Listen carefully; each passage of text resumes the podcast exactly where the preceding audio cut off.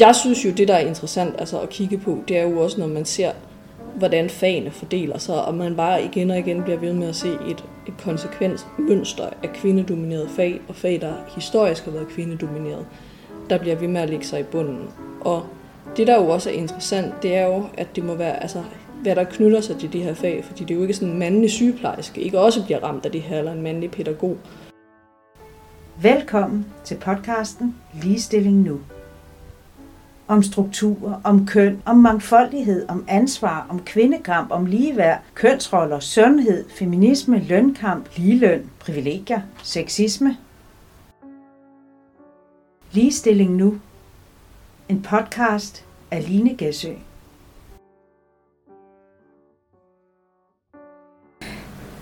Jeg er taget til Valby for at tale med øh, Astrid Elkær Sørensen. Øh, vil du fortælle lidt om dig selv, Astrid? Øh, jamen, jeg hedder som sagt Astrid Elkær Sørensen, og øh, jeg er Ph.D. i historie og forsker i det danske og det skandinaviske arbejdsmarkeds historie, øh, især i fokus med øh, fokus på ligestilling, øh, og har arbejdet rigtig meget med ligelønnets historie, især på det seneste. Hvordan øh, er din interesse for det her? Hvordan er den opstået? Altså, sådan, min interesse for ligestilling går langt tilbage, øh, og sådan er nok noget, jeg har, har arvet fra, fra hjemmet. Øh, historie øh, var faktisk lidt et tilfælde, at jeg endte med at his, studere historie. Det var, det var sådan lidt, det, det blev besluttet på en Roskilde, da jeg var ja, først i 20'erne. Øh, men så blev jeg bit, bit af faget. Øh, og så tror jeg, jeg blev klar over, og det synes jeg jo, at der historiefaget kan noget særligt, at rigtig meget af det samfund, vi har i dag, er jo formet af tidligere historiske begivenheder, og det er der ikke ret mange mennesker, der er klar over. Altså, de gør sig ikke kun gældende på ligestillingsområdet, men de har det med, sådan, du ved, at man undersøger for eksempel ligeløn, så laver man, hvordan ser billedet ud her og nu. Men sådan som jeg ser det, altså, så tror jeg, at rigtig mange af de forhold, vi lever under, og sådan noget, er formet af tidligere reformer, eller tidligere begivenheder, tidligere kultur, der har efterladt stærke spor øh, i vores kultur og vores lovgivning. Øh, og, og det synes jeg er enormt spændende at udforske, og jo også nogle gange med til at pege på nogle årsager, som man kan overse, hvis man ikke altså, har, har forhistorien med. Ja, og det din forskning øh, mest øh, omhandler omkring ligestilling, det er jo, det er jo ligeløn, det er arbejdsmarkedet.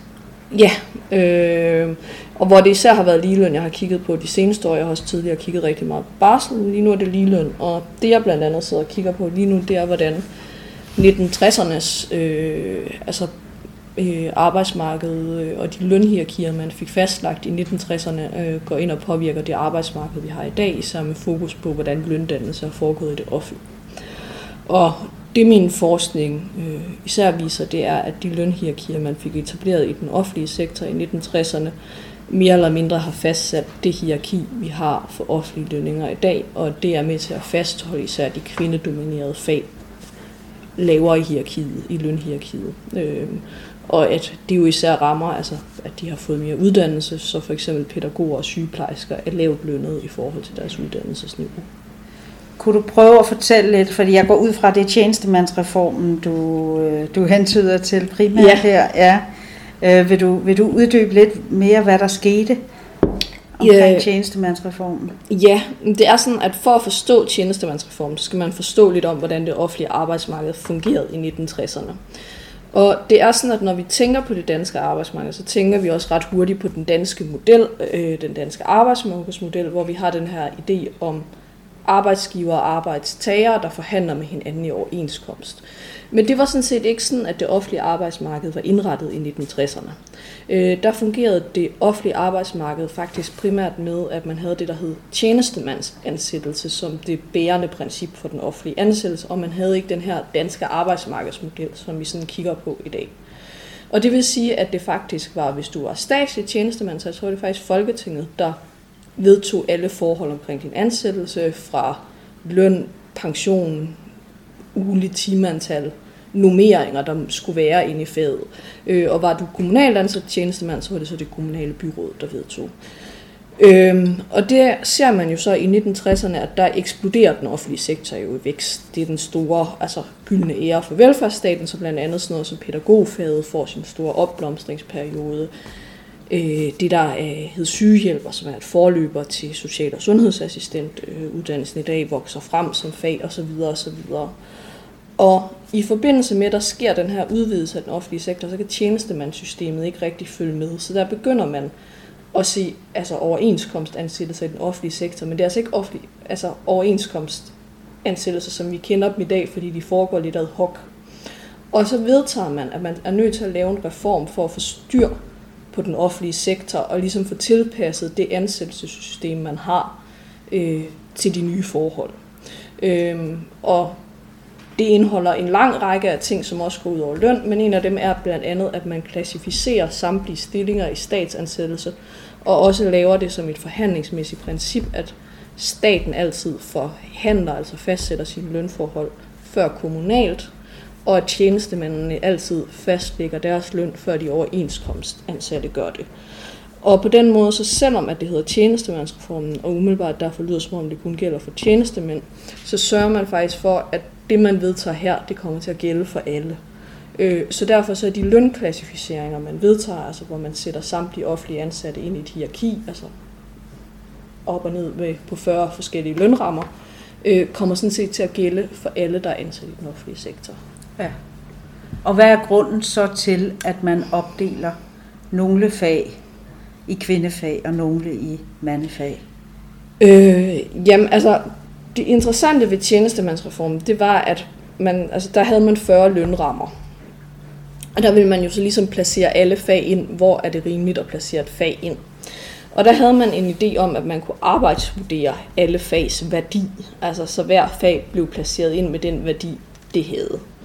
Øh, det var den oprindelige ambition. Øh, det endte man ret hurtigt med at være nødt til at gå væk fra, da man ikke havde pengene, og at det var et frygteligt, altså man heller ikke havde overblikket til det.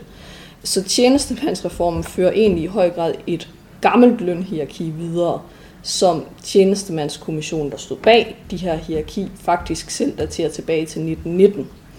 Så man skal forstå, at da sygeplejerskerne blev lønindplaceret, så gjorde de det dels under 1960'ernes kønsnormer, men også under 1919's kønsnormer. Og til de lyttere, der ikke ved, hvordan Danmark så ud i 1919, så var det fire år efter, at kvinder havde fået stemmeret. Og der så man altså ikke kvindearbejde som særligt centralt, heller ikke for familiens økonomi. Øh, så var det også kvinde, øh, altså de kvindedominerede fag, for eksempel pædagogerne, havde ingen altså ret til at blive hørt, og blev det heller ikke. Øh, så de havde også rigtig dårlig repræsentation i den her kommission, og det tror jeg også spillede rigtig meget ind. Øh, det var blandt andet også sygeplejerskerne rigtig ærgerlige over, at, at de simpelthen ikke blev hørt af kommissionen. Ja, så, så kvinder blev indplaceret lavt, fordi de ikke skulle brødføde en familie, fordi de ikke skulle være... Ja, og fordi deres organisationer heller ikke havde slagkraft. Altså, så der er dels altså et datidigt kvindesyn, altså et fortidigt kvindesyn fra 1919, øh, så er der manglende repræsentation. Altså man havde ikke de slagkraftige fagforbund, man har i dag. Altså i dag forbinder man jo for eksempel sygeplejerskernes fagforbund med at være vældig slagkraftigt. Dengang havde de ingen strækkekasse, ingen formel ret til at strække. Øh, de havde ingen fritids, altså frikøbte ansatte. Altså, så den skal man også forstå, den manglende repræsentation. Øh. Og det giver god mening, fordi det er netop noget af det, der har undret mig med tjenestemandsreformen. At man står i 1969 lige sådan ved ungdomsoprøret og på vej ind i, i en tid med fri abort og, og så videre. Og så vælger man et så gammeldags system, som for mig jo minder mere om mode fra Matador, eller sådan noget i den dur, ikke? Altså, øh, som jo er et helt andet kvindesyn, end det, man var på vej, den tid, man var på vej ind i. Ja, men nu skal man også huske, fordi nu sidder du og tænker rødstrømperne og det stærke, men vi er stadigvæk altså tre år fra, at ligelønnen kommer ind i de private overenskomster, og det er så ligeløn for samme arbejde. Og vi er i 1968, hvor arbejdsministeren stadigvæk er inde i radioen og diskuterer, om det giver mening for den nationale økonomi, at kvinderne de forlader husmorarbejdet for at gå ud på arbejdsmarkedet. Altså så her i 1965, da tjenestemandskommissionen bliver nedsat, er vi på et tidspunkt, hvor man stadigvæk er meget ved at forhandle kvindens rolle i hjemmet. Og så herudover, altså det kvindelige, så det er jo også, øh, altså for eksempel pædagogerne, hvis vi bare tager dem som et eksempel, var jo spredt ud på flere forskellige organisationer, hvor at man ikke havde ret til at strække. Altså der var ingen ret til at strække, der var ingen strækkekasse, øh, de var, havde ikke engang ret til at komme med ind til forhandlingsbordet, øh, altså i den her kommission. Så det var jo også nemt at køre de her grupper over fordi at, at de havde ikke de kampskridt, vi kender fra arbejdsmarkedet i dag, at sætte imod med. Øh, altså så havde, havde de skulle, skulle strække, så havde det været ulovligt, øh, og det havde øh, været for egen regning. Ja, og vi sidder jo så nu 55 år efter 1965 og har jo en stærk fagbevægelse på det offentlige område. Vi har nogle stærke organisationer, som har kæmpet i alle de her år siden 1969 i hvert fald, hver eneste gang, der har været overenskomstforhandlinger. Hvad er det, der sker? Øhm, hvorfor kan vi ikke udligne? Hvorfor kan vi ikke få lige løn øhm, i den kamp her? Jamen altså det var jo sådan med tjenestemandsreformen, at man faktisk lagde op til, at systemet skulle være meget mere fleksibelt. Altså at et fag, der for eksempel altså fik en længere uddannelse eller fik mere ansvar, faktisk skulle kunne bevæge sig op og ned i hierarkiet. Øhm, og det var faktisk altså noget, man troede vældig meget på i 1969. Men det var også sådan, at i 1969, der var Danmark i den største konjunkturfremgang, man altså har set i meget, meget lang tid. Det var virkelig en vækstperiode, en gylden økonomisk periode. Men der, hvor tjenestemandsreformen for alvor kommer til at fungere, blive implanteret det i 1970'erne, som mange jo kender, altså som, som oliekriseårene. Og der har ikke været nogen økonomi til at flytte op på grupper. Altså man har nok godt været villig til at flytte dem ned, men man har i hvert fald ikke været villig til at flytte dem op, fordi at Danmarks finanser kørte med et bullerende underskud i 1970'erne. Så derfor, hvor tjenestemandsreformen for alvor blev implementeret og bredt ud i den offentlige sektor, der var ikke økonomisk råderum til at ændre på placeringerne. Og det gjorde ligesom, at systemet fik frosset sig fast. Og i løbet af de år ser man jo så også, at den offentlige sektor mere og mere forsøger at nærme sig den private i forhold til, hvordan man forhandler. Altså i dag er der jo stort set ingen tjenestemandsansatte tilbage. Og den udvikling starter sådan set allerede i 70'erne, hvor man forsøger at få den danske arbejdsmarkedsmodel eller noget, der ligner til at fungere på den offentlige arbejds, det offentlige arbejdsmarked. Øh, og det er sådan, at der er meget, man kan rose den danske model for, men fagbevægelsen møder op og forhandler efter en musketeriet, hvor alle mere eller mindre skal have det samme. Øh, og det betyder, at det er rigtig, rigtig svært for en enkelt gruppe at bryde med resten af fagbevægelsen og få en højere lønfremgang, altså for at flytte op og ned i altså flytte sig selv op i hierarkiet, fordi det vil resten af fagbevægelsen simpelthen ikke tolerere, fordi så føler de, at deres grupper har fået for lidt. Ja. Øh, så på den måde, så kan man sige, at fagbevægelsen faktisk vogter, øh, så at sige, på, at grupper, altså at hierarkiet forbliver, som det er så kan man sige, at havde det været en enkelt gruppe, altså lad os sige, at det kun havde været jordmøderne for eksempel, der var indplaceret vildt uretfærdigt i tjenestemandsreformen, så havde man nok godt kunne finde en løsning, for det havde drejet sig om så få mennesker, der skulle flyttes op, at, altså at det ville være til at leve med og afsætte de midler for resten af fagbevægelsen. Men i dag skal man huske, at de her store kvindedominerede fag, er de aller, aller største i den offentlige sektor. Og kigger man på, hvem er ramt af tjenestemandsreformen 1969 i dag, så er vi oppe at tale om cirka halvdelen af alle offentligt ansatte. Og det er jo klart, at når det er så mange, så bliver det rigtig, rigtig tungt for fagbevægelsen at, ja, at flytte rundt på. Ja. Øh, og det er jo nok også derfor, at man har set, at mange af de fag, der dengang blev placeret lavt, har bidt om at få en ekstra pose penge til at flytte om på hierarkiet, fordi man ikke tror, at det faglige system kan løfte det selv. Så har der været nogle succeser, har der været nogle gange i tidens løb, hvor det lykkedes at gøre den her forskel mindre? Altså, alle har jo fået forbedret deres realløn øh, siden 69. Øh, man kan også se, at hvis man sidder og kigger, altså nu har jeg altså på hierarkiet og prøver at regne på det, så ser det ret statisk ud. Men for eksempel er det lykkes for sygeplejerskerne, som nok har været den mest militante gruppe, vil nogen sige, øh, at flytte sig en smule opad. Men det er ikke sådan, at man kan sige, at det er lykkes sygeplejerskerne at sprænge hierarkiet, eller nå op til, hvor man kunne for eksempel mene, at de skulle ligge tilsvarende for deres uddannelse. Det kan man ikke sige. Men altså, man kan se, at sygeplejerskerne har formået at bevæge sig en lille smule opad, hvilket man for eksempel slet ikke kan se med pædagogfaget. Hvad med social- og sundhedsassistenterne? De ligger også rimelig statisk. Ja. Men de er en svær gruppe at måle på, fordi at social- og sundhedsassistentuddannelsen først øh, kom til i 1992. Så hvis man skal følge dem tilbage i tid, så er man nødt til at tage nogle andre grupper, som man ligesom kan sige, at de er vokset ud af. Og det er sygehjælpergruppen, hjemmehjælpergruppen, plejergruppen osv. Men alle de grupper havde forskellige uddannelser og lå også lidt forskelligt i lønhierarkiet. For eksempel så var plejerfaget et mandsdomineret fag, hvor sygehjælperne var stærkt kvindedomineret. Øhm, og der kan man se, at hvis man at, at social- og sundhedsassistenterne ligesom synes at være faldet til den øvre del af de tidligere uddannelser, hvor de ligger i lønniveau nu, at, at det var. Men det er ikke sådan, at man kan sige, at de ikke er ramt af tjenestemandsreformen, eller det lykkes dem gennem at blive til social- og sundhedsassistenter, har de sprængt hierarkiet. Men det er rigtigt, at sådan noget som sygehjælperne, der lå utrolig lavt, der har de vundet lidt ved at blive til social- og sundhedsassistenter. Men der har de så også lagt halvandet år til deres uddannelse, skal man huske. Ja. Så man kan sige, uddannelsesmæssigt ligger de her grupper stadig lavt. Det er faktisk blevet værre. Ja. Altså, altså det skal man jo huske, at generelt så i 1969 fik de kvindedominerede fag en lav placering i forhold til deres uddannelse. Men den lå tættere på, hvis uddannelse skulle være det eneste parameter, der skulle afgøre lunden, lå den tættere på at være rimelig, end den gør i dag. Og det er jo fordi, at hvis du fryser position for 69, men lægger mere uddannelse til alle fagene, men fastholder positionen, så vokser gabet til, hvad du burde have. Det er klart. Så man kan faktisk sige, at hvis du kigger på det sådan, at uddannelse skulle være det eneste parameter, så er vi i en dårligere situation nu i 2019, end vi var i 1969.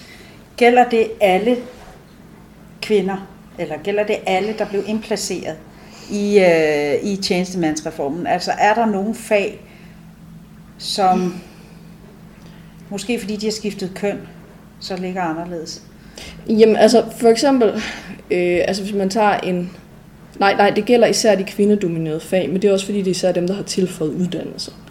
Okay. Altså, du gymnasielærer krævede ja. cirka det samme i 69 at blive gymnasielærer, som det gør i dag. Og i 69 var det at være gymnasielærer vel et mandefag? Ja. Ja, og i dag måske... Ja, det, det, det, er blandet, det er blandet. Det er blandet. Det er sådan nogenlunde lige. Det er nogenlunde lige, men du kan også se sådan noget som lærer er jo et, et altså folkeskolelærer er et kvindedomineret fag i dag, og det er ikke fordi jeg skal sige, at folkeskolelærer er vildt højt lønnet, men rent tjenestemandsprincipmæssigt, så ligger de bedre end de andre fag med samme kvindeandel, fordi de var et blandet fag i 1969. Så på den måde synes de at være beskyttet dels af, at de, altså af deres indplacering i 1969. Ja, af altså, den klassificering, der blev foretaget dengang. Ja, også beskytter, så at sige. Altså nogle fag, altså øh, for at falde altså i hierarkiet. Ja. Men altså, det er jo også noget med, at de fag, der især har fået tilføjet uddannelse, er jo især de kvindedominerede fag. Så dem, der egentlig burde have været mest mobile, er de kvindedominerede fag, og det har de så ikke været.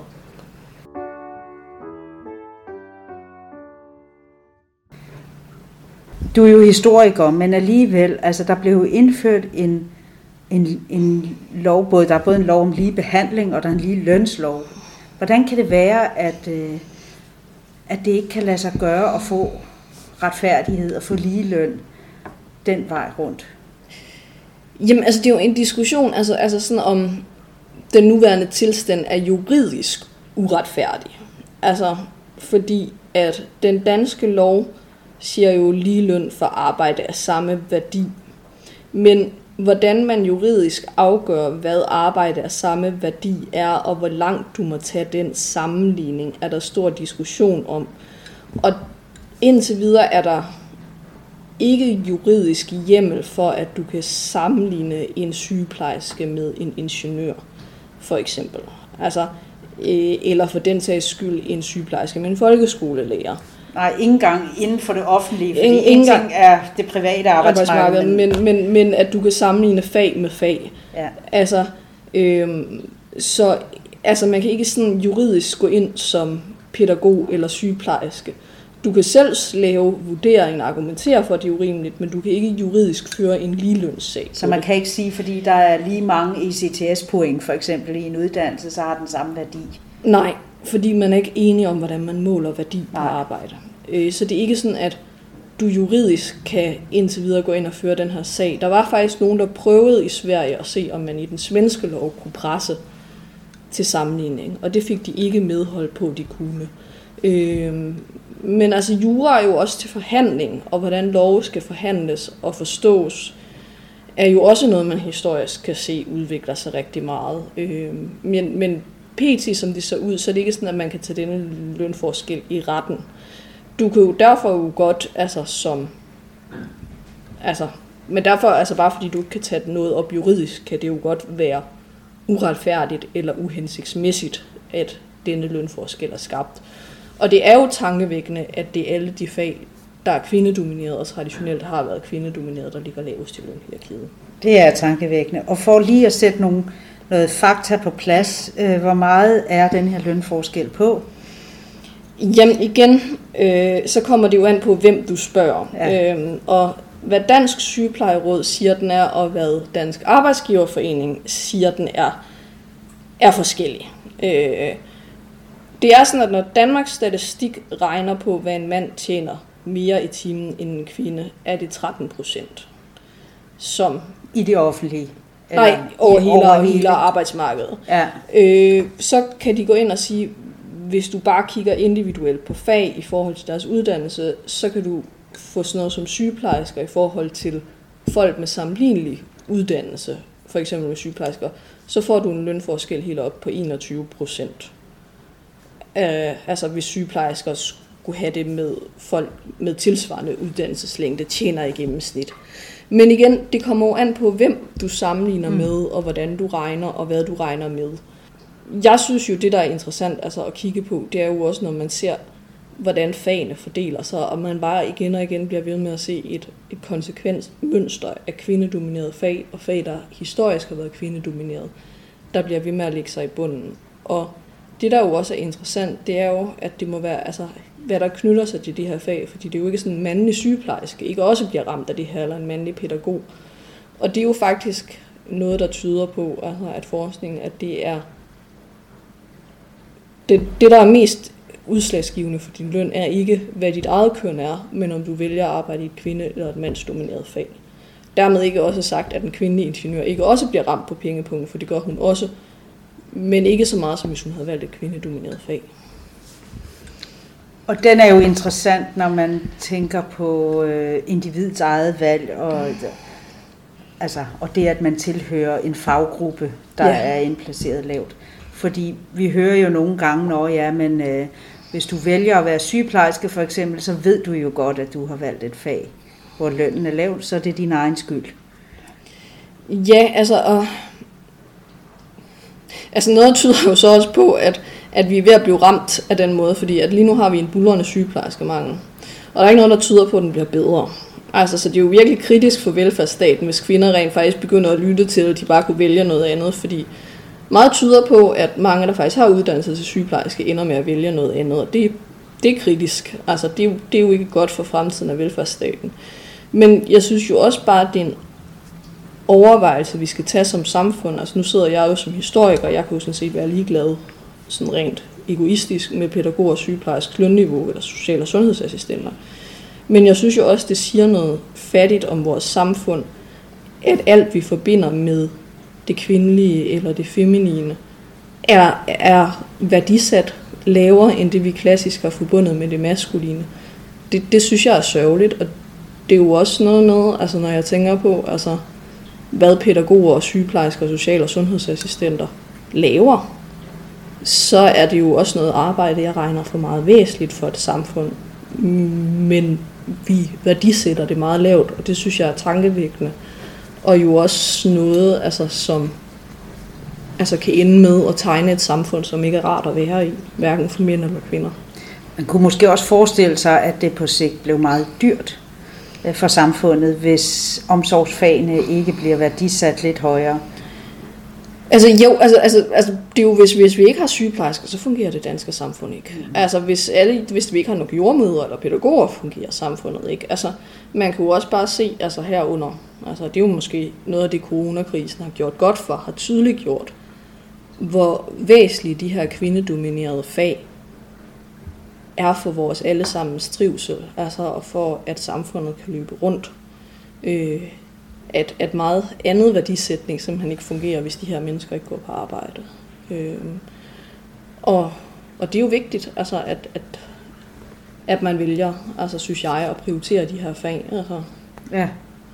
Og vi står jo lige nu, øh, er vi jo i efteråret 2020, og til næste år skal vi jo så forhandle nogle af de store offentlige øh, overenskomster, hvor jo netop det her med, med lønforskellene allerede er i medierne. Vi har allerede set DA, øh, Dansk Arbejdsgiverforening, været ude og, øh, og sige, at, at det er slet ikke så slemt. Hvordan, hvordan kan vi forholde os til det? Hvordan kan vi, kan vi finde nogle åbninger her?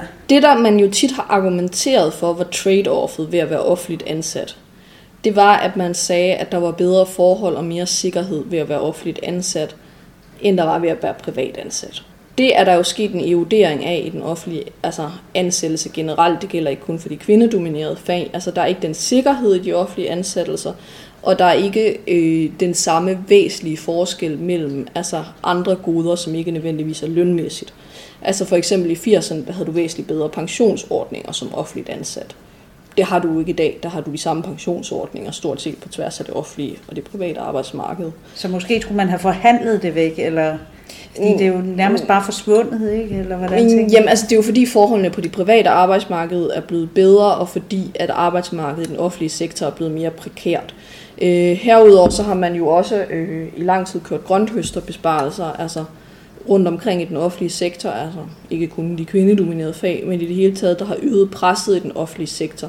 Det er ikke sådan, du længere kan sige, at altså, altså, det er nogle hårde job at arbejde i den offentlige sektor. Ja. Der er meget pres på, altså rundt omkring. Altså, og det er jo simpelthen, fordi man har prøvet at holde udgifterne i den offentlige sektor nede, altså ved at, ja, at presse mere.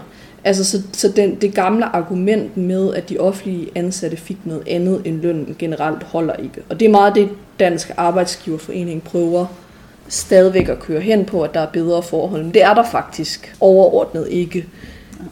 Så prøver det andet, og det tror jeg også, at man vil opleve, at arbejdsgiversiden vil gøre, jo at køre på en økonomisk ansvarlighed. Øhm, og det handler jo om, at coronakrisen har været rigtig, rigtig dyr. Øh, så derfor så vil øh, arbejdsgiversiden jo nok opfordre til tilbageholdenhed, fordi at man har lave finanser, og herudover så er der jo et pres altså om, at det offentlige ikke må gå hen, eller faktisk er det en vedtaget regel, at det offentlige ikke må gå hen og blive lønførende i forhold til det private. Altså, så det ligger jo også nogle mm. bindinger og noget pres altså på de offentlige overenskomster. På den anden side af det, så står der jo sådan nogle fag, hvor forventningerne er meget høje, fordi at man føler, man generelt har et opsparet, altså har et lønefterslæb i forhold til både det private, men også i forhold til det, og de andre offentlige fag, og jo også føler, at her under coronakrisen, at man har stået i første geled, og at det skal på en eller anden måde honoreres her i OK21. Ja. Så der står to altså parter, der ligger meget, meget langt fra hinanden, og skal prøve at finde en eller anden løsning her i overenskomst 21. Øh, og det tror jeg bliver rigtig, rigtig svært. Ja, hvis du vil høre mit gæt.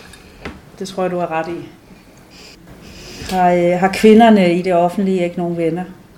Øh, jamen altså, altså det der jo var interessant i 2018, øh, det var der, hvor der var sidste gang med offentlige overenskomstforhandlinger, det var, at der havde man jo det berømte slogan skulder ved skulder. Og der stod øh, fagbevægelsen jo overraskende og historisk set også meget, meget samlet.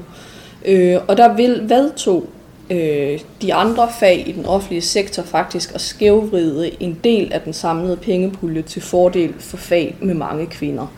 Øh, man kaldte det en ligelønspulje. Og den var på 113 millioner, og det lyder rigtig mange penge, men hvis du omregner det til procentsats i løn, så var det ikke sådan, at det flyttede ret synligt på sygeplejersker eller pædagogers eller social- og sundhedsassistenters løn Men det det var, det var jo, at det var en solidaritetserklæring for første gang for den resterende fagbevægelse om, at vi rent faktisk har et ligelønsproblem. Og at der er et løn efterslæb for fag med mange kvinder. Og det kan man sige, det er jo guld værd for de kvindedominerede fag, fordi de så ligesom kan sige, at vi er rent faktisk støttet af resten af fagbevægelsen i, at der er et problem. De anerkender de andre arbejdstagere, at vi har et problem. Og det har man jo så ligesom også kunne bruge som argument for den politiske løsning, at der skal ekstra penge på bordet til de kvindedominerede fag, at resten af fagbevægelsen også siger, at der er et problem.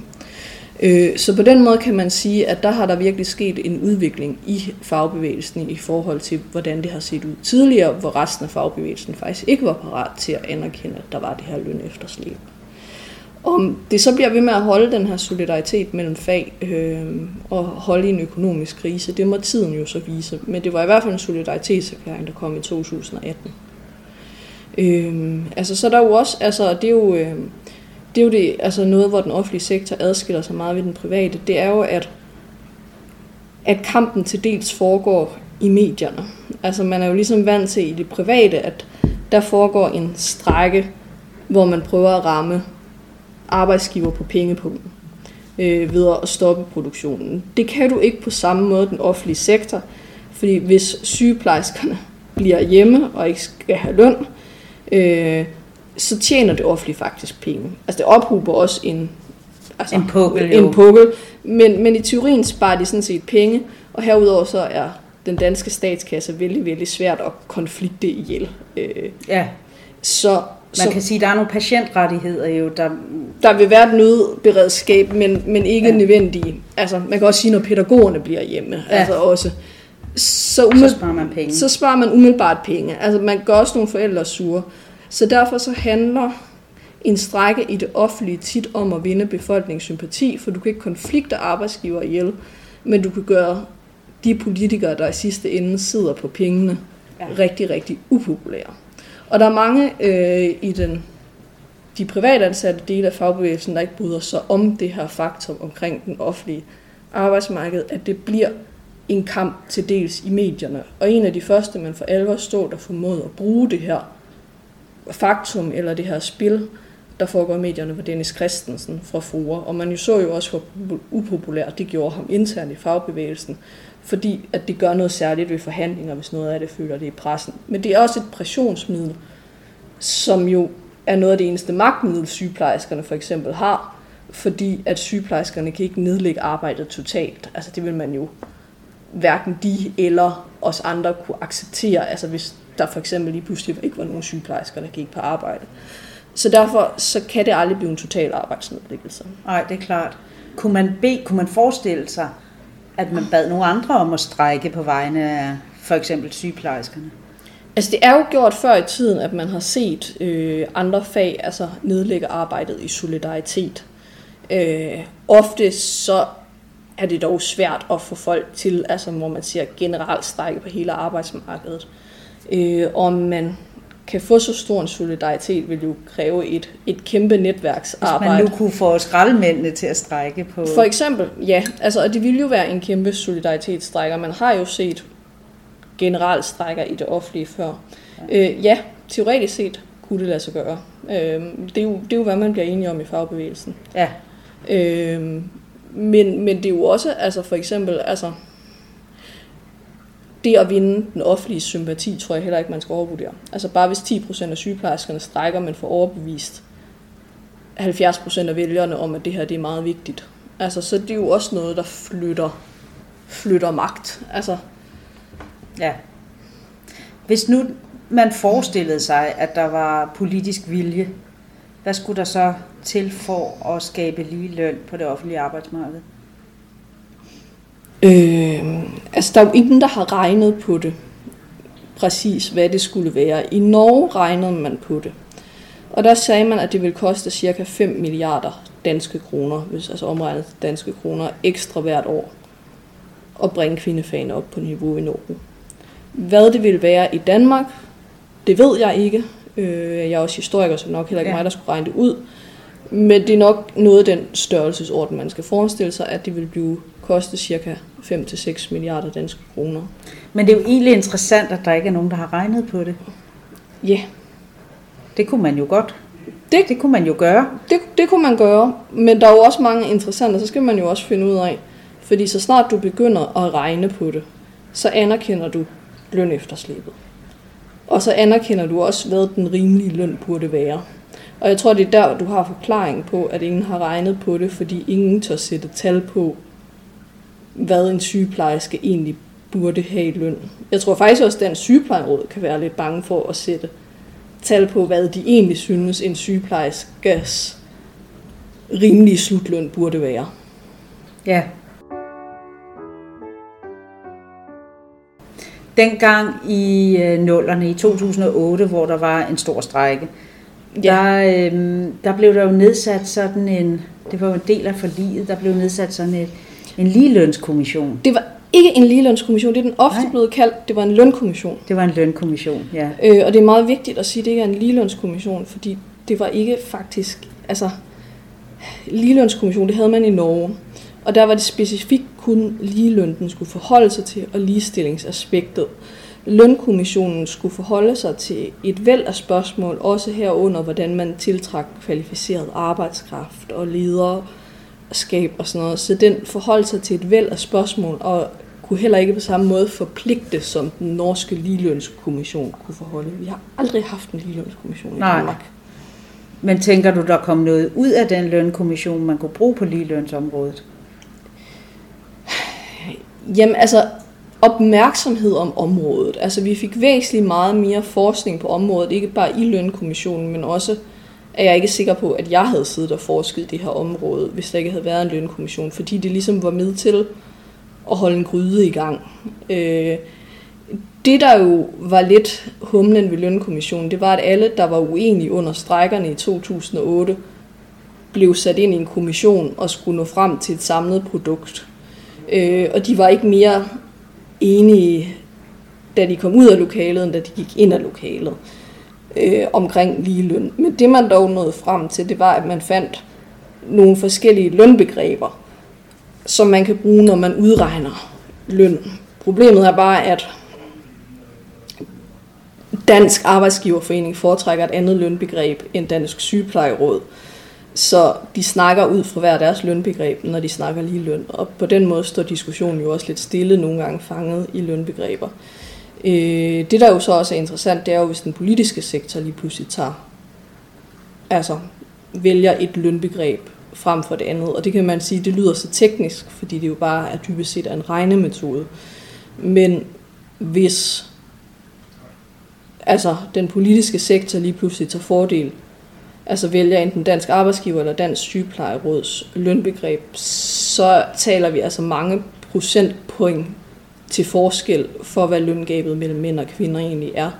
Så det er meget afgørende for, hvordan vi egentlig forstår, hvor tæt vi er på ligeløn i Danmark, om man bruger det ene eller det andet lønbegreb. Ja, men uanset, så er der jo ikke lige løn, uanset om det er den ene eller den anden. Nej, du kan, det er endnu ikke lykkes at finde en regnemetode, hvor du kan trylle lønforskellen mellem mænd og kvinder væk. Nej. Man har let, man har let grundigt, men det er ikke lykkedes at finde en regnemetode endnu. Nej, men du kan gøre den væsentligt mindre med nogle regnemetoder. Ja. Og det, og det er det, jeg, jeg leder lidt efter, det her med den politiske vilje. Altså, vi har jo hørt, vi, vi hørte for eksempel uh, enhedslisten uh, meddele, at de synes, at der skulle være lige løn blandt mænd og kvinder i den offentlige sektor. Jeg har ikke hørt andre partier. Nej, altså SF er efterhånden også ved at være hoppet på den vogn, tror jeg. Efter lidt tøven og lidt knagen, tror jeg, at man kan sige, at SF og enhedslisten er endt der. Men ellers så tror jeg heller ikke, at nogen er, er der. Men jeg tror, at det man skal se, det er jo, at alle i Danmark går ind for ligestilling. Men man skal forstå noget vigtigt omkring ligestilling i Danmark. Og det er, at ligestilling og miljø i Danmark, for at tale om to politikområder, er noget, alle går ind for, men det må altid vige for andre hensyn. Øh, Så hver gang man snakker ligestilling, så går vi vældig meget ind for det, og det står sådan set også tit som en målsætning. Men så kommer der et eller andet andet, det kan være beskæftigelsen, det kan være hensynet til statsfinanserne, det kan være virksomheders egen bestemmelse, så videre og så videre, og så har ligestilling vigepligt. Øh, og det er sådan set altså, måske det, der er problemet med ligestillingslovgivning og ligestillingsinitiativer i Danmark, at de bliver altid lidt vattet eller lidt vege, fordi at de danske politikere aldrig tager sætte det som deres første prioritet, når de planlægger politik. De går alle sammen vældig meget ind for det. Altså, altså, jeg tror, at det er meget få i Danmark, der vil sige, at de ikke går ind for ligestilling. Der er bare altid et andet realpolitisk hensyn, der ender med at komme først. Øh, og det har ligesom været ligestilling og miljøpolitik skæbne i Danmark ja. i, i årtier. Jeg, jeg oplever heller ikke, at der er nogen, der siger, at de ikke går ind for ligestilling, men jeg hører nogle gange nogen, der siger, at vi har, allerede har ligestilling. Øh, ja, det var jo øh, det interessante. Øh, det var jo Drude Dallerups undersøgelse, hvor det var især var de mandlige politikere, der sagde, at vi allerede havde ligestilling. Og det kommer jo an på, hvordan man forstår ligestilling, og hvad man prioriterer det. Altså, og her tror jeg også bare, du ved, at man må sige, at, at nogle gange så kunne de folkevalgte også være bedre, bedre oplyste.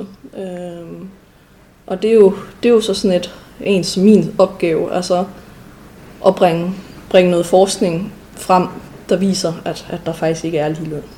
Ja.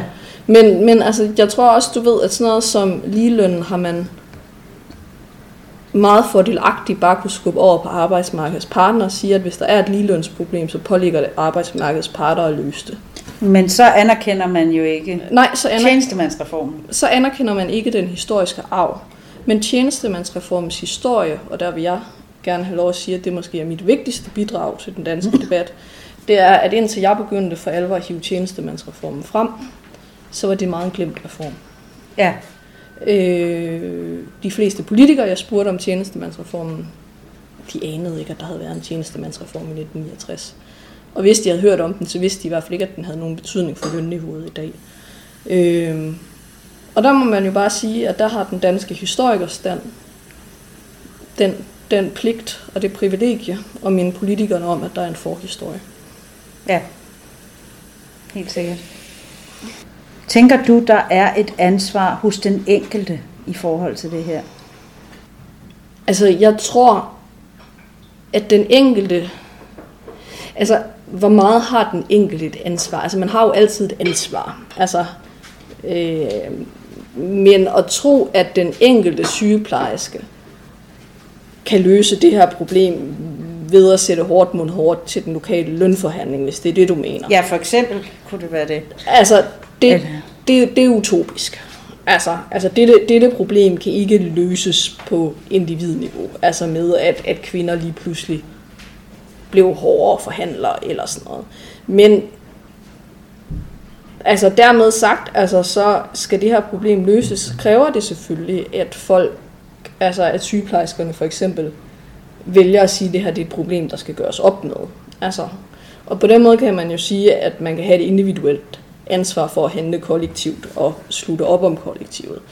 Altså, men jeg synes jo også, at man kan jo også snakke om, at vi andre har et ansvar, altså som individer. Altså for eksempel så sidder jeg som historiker. Vi, øh, vi er et klassisk mandefag, i dag er vi et blandet fag, øh, men vi har været et klassisk mandefag, og jeg synes da også, at vi har et ansvar, for eksempel. Altså jeg synes jo, at, at alle har et individuelt ansvar for at arbejde hen mod et mere lige og et mere retfærdigt samfund.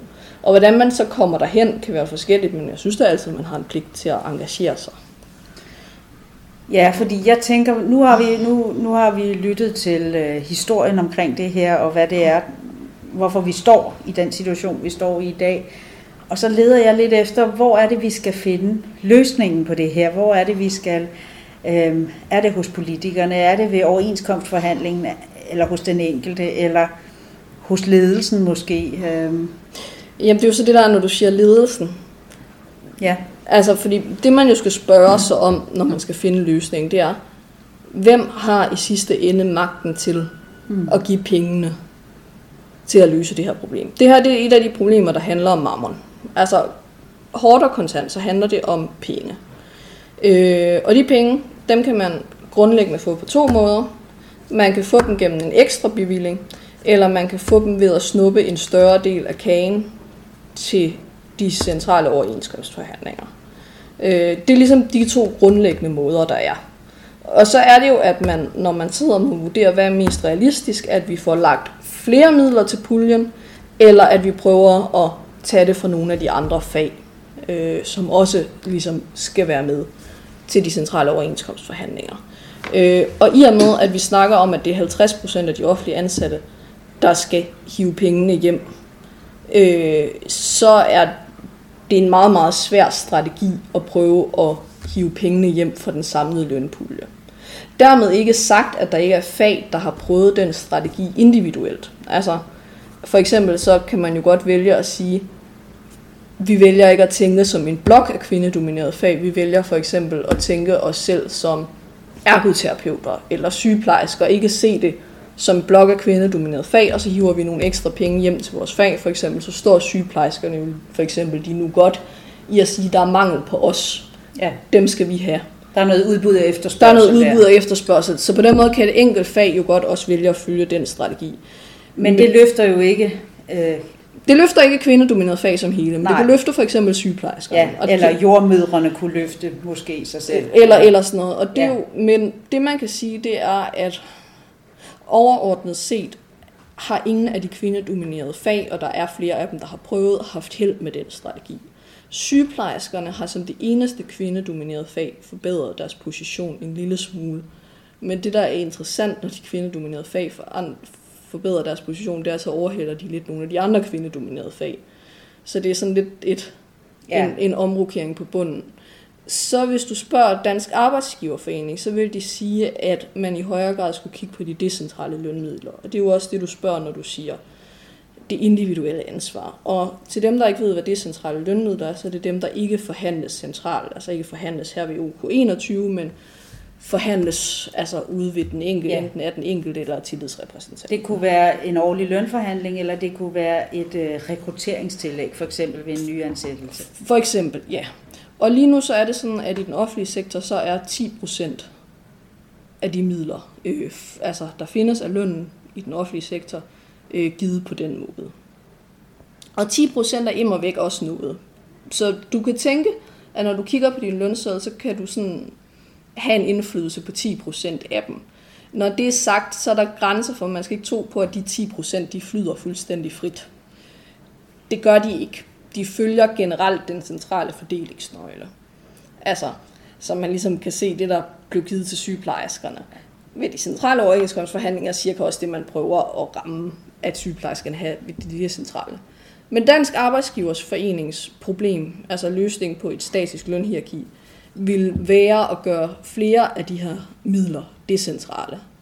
Og så siger de, at hvis vi gjorde flere af lønmidlerne decentrale, altså noget, man kunne forhandle lokalt, så vil det være nemmere at bryde de statiske hierarkier, fordi så vil det blive mere fleksibelt og lokalt.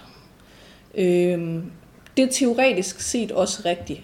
Man kan bare se på, at decentrale lønmidler sjældent er til kvinders fordel, og sjældent er til kvindedominerede fags fordel. Så man kan ligesom sige, at erfaringerne for det private arbejdsmarked taler imod det.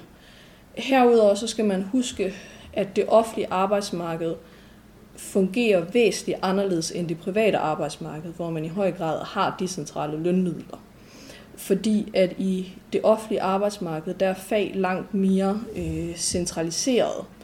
Du kan øh, godt have vidt forskellige IT-virksomheder eller byggevirksomheder på det private arbejdsmarked, øh, som godt nok kigger til hinanden for løn, men stadigvæk er hver deres lille lukkede individuelle enhed.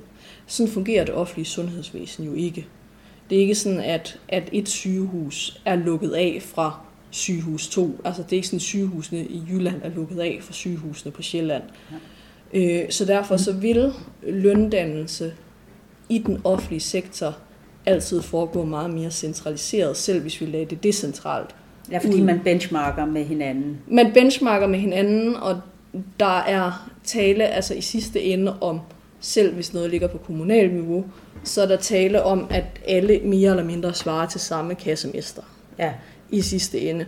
Så det, man vil gøre ved at lægge lønnen ud decentralt, det kan godt være, at man så vil, man vil i sidste ende stadigvæk altså, skulle svare til den store kassemester, at regningen gik op, men man vil gøre løntildeling mere ugennemsigtigt. Og forskningen tyder på, at hvis jo sværere det er at gennemskue, hvordan lønnen tildeles, jo mere til fordel for mænd er løntildelingen rent statistisk set. Ja. Når nu det her så heller ikke er løsningen, altså at lægge det ud decentralt, øh, og lave en omfordeling ved en overenskomst, fordi det, det kunne man en lille smule sidste gang, men, men det vil de andre organisationer jo nok ikke gå med til, for så får de ikke reelt lønstigning. Hvis, hvis nu man kan sige, at politikerne er heller ikke helt med på denne her, endnu i hvert fald, kunne man, kunne man forestille sig, at man kunne øh, forlange eller bede om at få en ny reform? Altså en ny klassificering af, og indplacering af de forskellige fag? Jamen altså, man kan jo, altså fagbevægelsen, hvis fagbevægelsen gik ind og bad om en ny arbejdsvurdering og klassificering, øh, og fik enighed om at nedsætte et udvalg, så jo, altså man kan jo få i princippet, hvad man kan blive enige om. Jeg har bare svært ved at se, at man kunne blive enige om, hvad for parametre, der skulle være udslagsgivende for et fags værdi. Øh, altså, altså, jeg tror mere på... At ja, det vil ikke være uddannelseslængde, for eksempel. Jamen, altså, der er jo mange... Altså, når man kigger på et fags værdi, altså, nu snakkede jeg om, hvis uddannelse før alene skulle være det eneste parameter, men når man afgør et fags værdi, så er der jo rigtig, rigtig mange parametre, man kan smide i spil. Det kan være udbud efterspørgsel, det kan være, hvor hårdt, hvor slitage, altså hvor hårdt er faget, hvor mange gener er der i faget, og så kan man jo så give sig til at diskutere, hvordan man måler det. Det kan være øh, ansvar, altså det kan være uddannelse. Altså der er rigtig, rigtig mange parametre, der kan komme i spil, når man skal vurdere et fags værdi. Og altså at måle dem op på hinanden. Og det skulle man jo så på en eller anden måde have nogen, der kunne ligge en skabelon for, hvordan tæller man et fags altså værdisættende parametre sammen, som alle altså, fagene kunne ikke godkende til, og det tror jeg er rigtig, rigtig svært at nå til. Men altså, jeg må indrømme, at personligt så tror jeg mest på, at man skal gøre ligestilling altså, til en første prioritet i dansk politik. Altså, og jeg tror, at den her tjenestemandsreform, den går ikke væk. Nej. Og, og jeg tror øh, altså sådan personligt på, at det er noget, politikerne er nødt til at forholde sig til. Og det bliver jo også mere og mere præsent, fordi at vi mangler social- og sundhedsassistenter, social- og sundhedshjælpere, vi mangler sygeplejersker. Meget tyder på, at vi i fremtiden også kommer til at mangle pædagoger, for bare at nævne de allerstørste kvindefag. Altså, så er der jo mange mindre kvindedominerede fag. Altså, og det gør det jo også, at politikerne på en eller anden måde er nødt til at finde en løsning på, hvorfor vil unge kvinder ikke ind i de her fag, eller måske ikke kun, hvorfor vil de ikke ind i fagene, hvorfor vil de heller ikke blive i fagene. Altså man ser jo også rigtig, rigtig mange sygeplejersker, der forlader faget, for eksempel. Ja. Eller vælger at gå på deltid. Altså det skal man heller ikke øh, undervurdere, at alle de her kvindedominerede fag, vi sidder og taler om, er de fag i, øh, i landet, der er allermest deltidsarbejde i. Det er klart, der er en, der er en stor øh, deltids, fuldtidsproblematik, om man så må sige. At hvis, mm. altså manglen kunne jo et langt stykke hen ad vejen løses, hvis alle var øh, gerne ville på fuld tid. Øh, der, det kunne løse meget mange. Altså 70 procent af alle inden for sosufaget arbejder på deltid. Det er jo en kæmpe arbejdsmængde, der går tabt der, men så må man jo ud og spørge, hvorfor har folk ikke lyst til at være på fuldtid? Ja. Det har folk ikke. Altså der er også nogen, der er tvunget på deltid. Altså det kan være virkelig, virkelig svært at finde en fuldtidspædagogstilling, for eksempel. Ja. Men der er også mange, der siger, at de foretrækker deltid, og det er jo fordi, de ikke føler, at de får noget ud af at gå på fuldtid, øh, eller at de føler, at de ikke kan holde til fuldtid. Det kan være noget med arbejdsvilkårene, Altså både normeringer, som vi også talte om tidligere, og, men det kunne også godt være skiftende arbejdstider. Eller...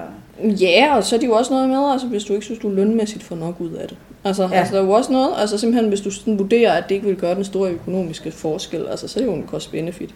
Og så skal man jo heller ikke undervurdere, at vi i Danmark stadigvæk mangler at diskutere ligestilling i hjemmet. Og det er sådan lidt ja. altså en, en rød ting, men altså rigtig, rigtig mange kvinder inden for alle fag arbejder deltid, for også at få hjemmelivet til at arbejde, hænge sammen. Og, og det er sådan lidt, øh, lidt noget, vi helst ikke snakker om i Danmark, øh, men at mange kvinder stadigvæk vælger at arbejde deltid, fordi ellers føler de ikke, at hjemmelivet har hænger sammen. Men man kan, jo, man kan faktisk sige, at det er jo omsorgen, der værdisættes for lavt. Altså både den, der er derhjemme, den frivillige, som ulønnede, Ja, og også den professionelle omsorg, omsorgsfag. det er den, øh, den hjemlige og den, den offentlige omsorg, der begge Ja. steder værdisættes for lavt. Men man skal bare, altså nu taler vi jo rigtig meget om ulighed i løn, men Ja. et sted, der jo faktisk er endnu mere ulighed, det er ulighed i pension. Ja, Øh, og den er jo både ind, altså både affødt af, at kvinder indbetaler mindre til pension, fordi de har mindre lavere løn, men jo også at kvinderne, så snart de går på deltid, så falder deres pensionsindbetalinger også. Og der kan man jo sige, at det er jo interessant, at de danske kvinder går på deltid for hele familiens skyld. Men hvis der så er en skilsmisse, eller manden dør, så står hun altså med langt under halvdelen af, den fælles pension. Øh, så kvinder betaler virkelig, virkelig dyrt økonomisk for Ja. familien til at hænge sammen. så man risikerer at blive fattig pensionist som kvinde, fordi man har, man har prioriteret familien højt. Og Ja. der er jo nogen, der skal prioritere familien. Altså vores børn skal jo have øh, mindst en af deres forældre i nærheden. Ikke? Jo, altså man kan jo sige, at mange mænds karriere stadigvæk er afhængig af at have en god kone. Ja, Øh, og jeg kunne også se det i min egen branche. Altså, den akademiske karrierevej. Vi har ofte undervisning og møder til 6-7 om aftenen. Vi forventes at kunne tage på konferencer i udlandet og sådan noget. Det er der i høj grad myndet an på, at der er en partner, der kan løfte den tunge inde i hjemmet. Øh, og det kan man snakke om, er det smart, nogle arbejdspladser er indrettet sådan? Øh, det synes jeg ikke, det er. Men det er jo i hvert fald vilkåret på mange arbejdspladser, at man forventer, at der er en god partner i den anden ende. Men hvis den partner så økonomisk ikke på en eller anden måde kompenseres for det ved skilsmisse, eller jo også selvom hvis man ikke bliver skilt, altså så er der jo også noget med, hvis ens partner går bort. ja. Øh, og kvinder lever længere end mænd øh, indtil videre, så, altså, så er der et efterslæb. Altså, og det må man sige, det er ikke det mest romantiske at snakke om, lige før at bryllupsklokkerne ringer, men det er måske noget, vi alle sammen burde blive bedre til at snakke om, at hvis man har en fordeling, hvor en løfter en større arbejdsbyrde i hjemmet, så skal man sørge for, at det ikke rammer senere hen økonomisk. Og, og her kan man jo sige, at individet har et ansvar.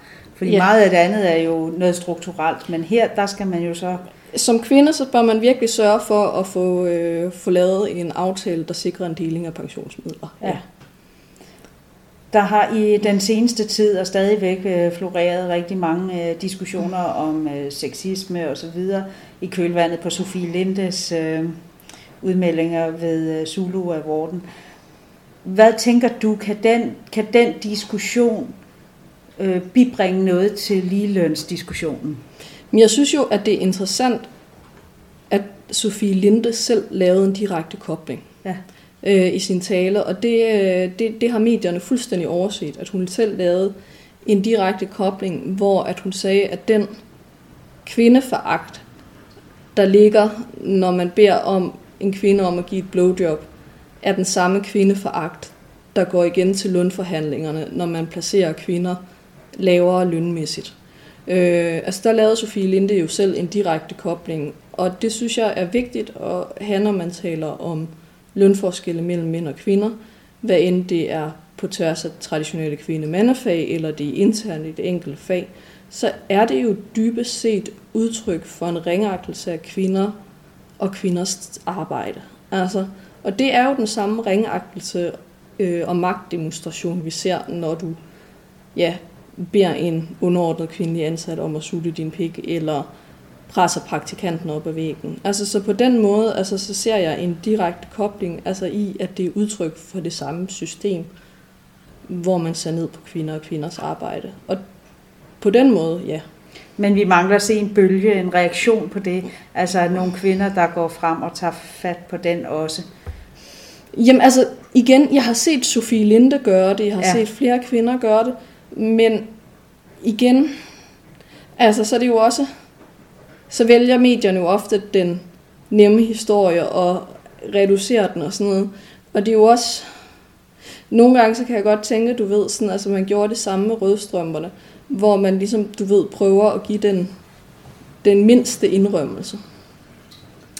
Ja, Altså, at man vil ikke sige, at det her det er et system, der handler om andet end stramt seksuelle krænkelser. Det er faktisk et system, der påvirker kvinders liv på alle mulige altså ledere og kanter og sådan noget.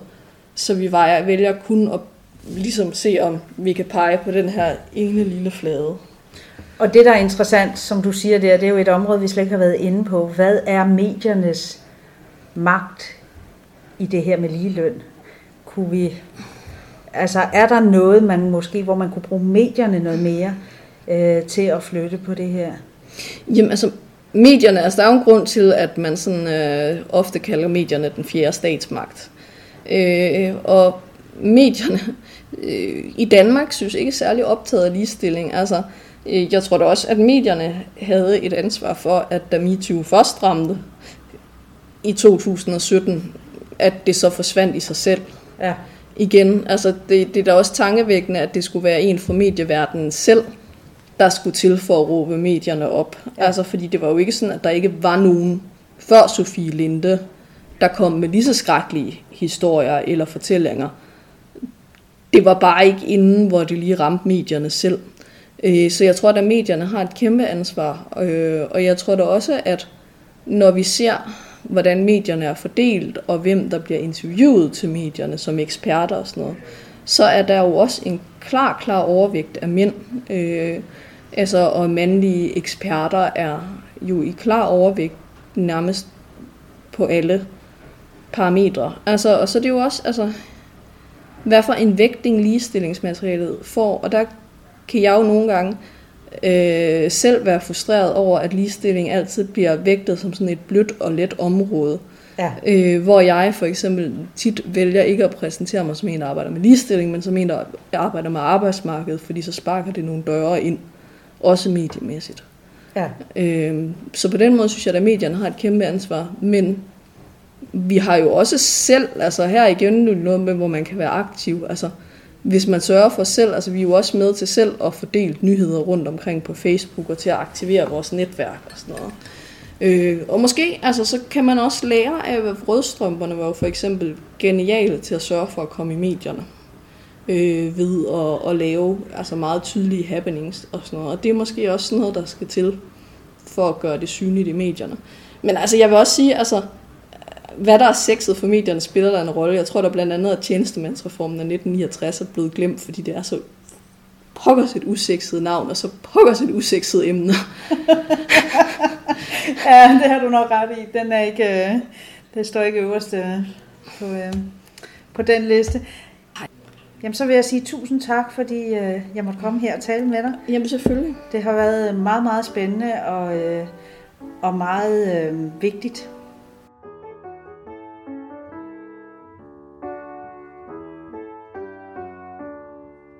Ligestilling nu. En podcast af Line Gæsø. Se mere på Instagram Ligestilling nu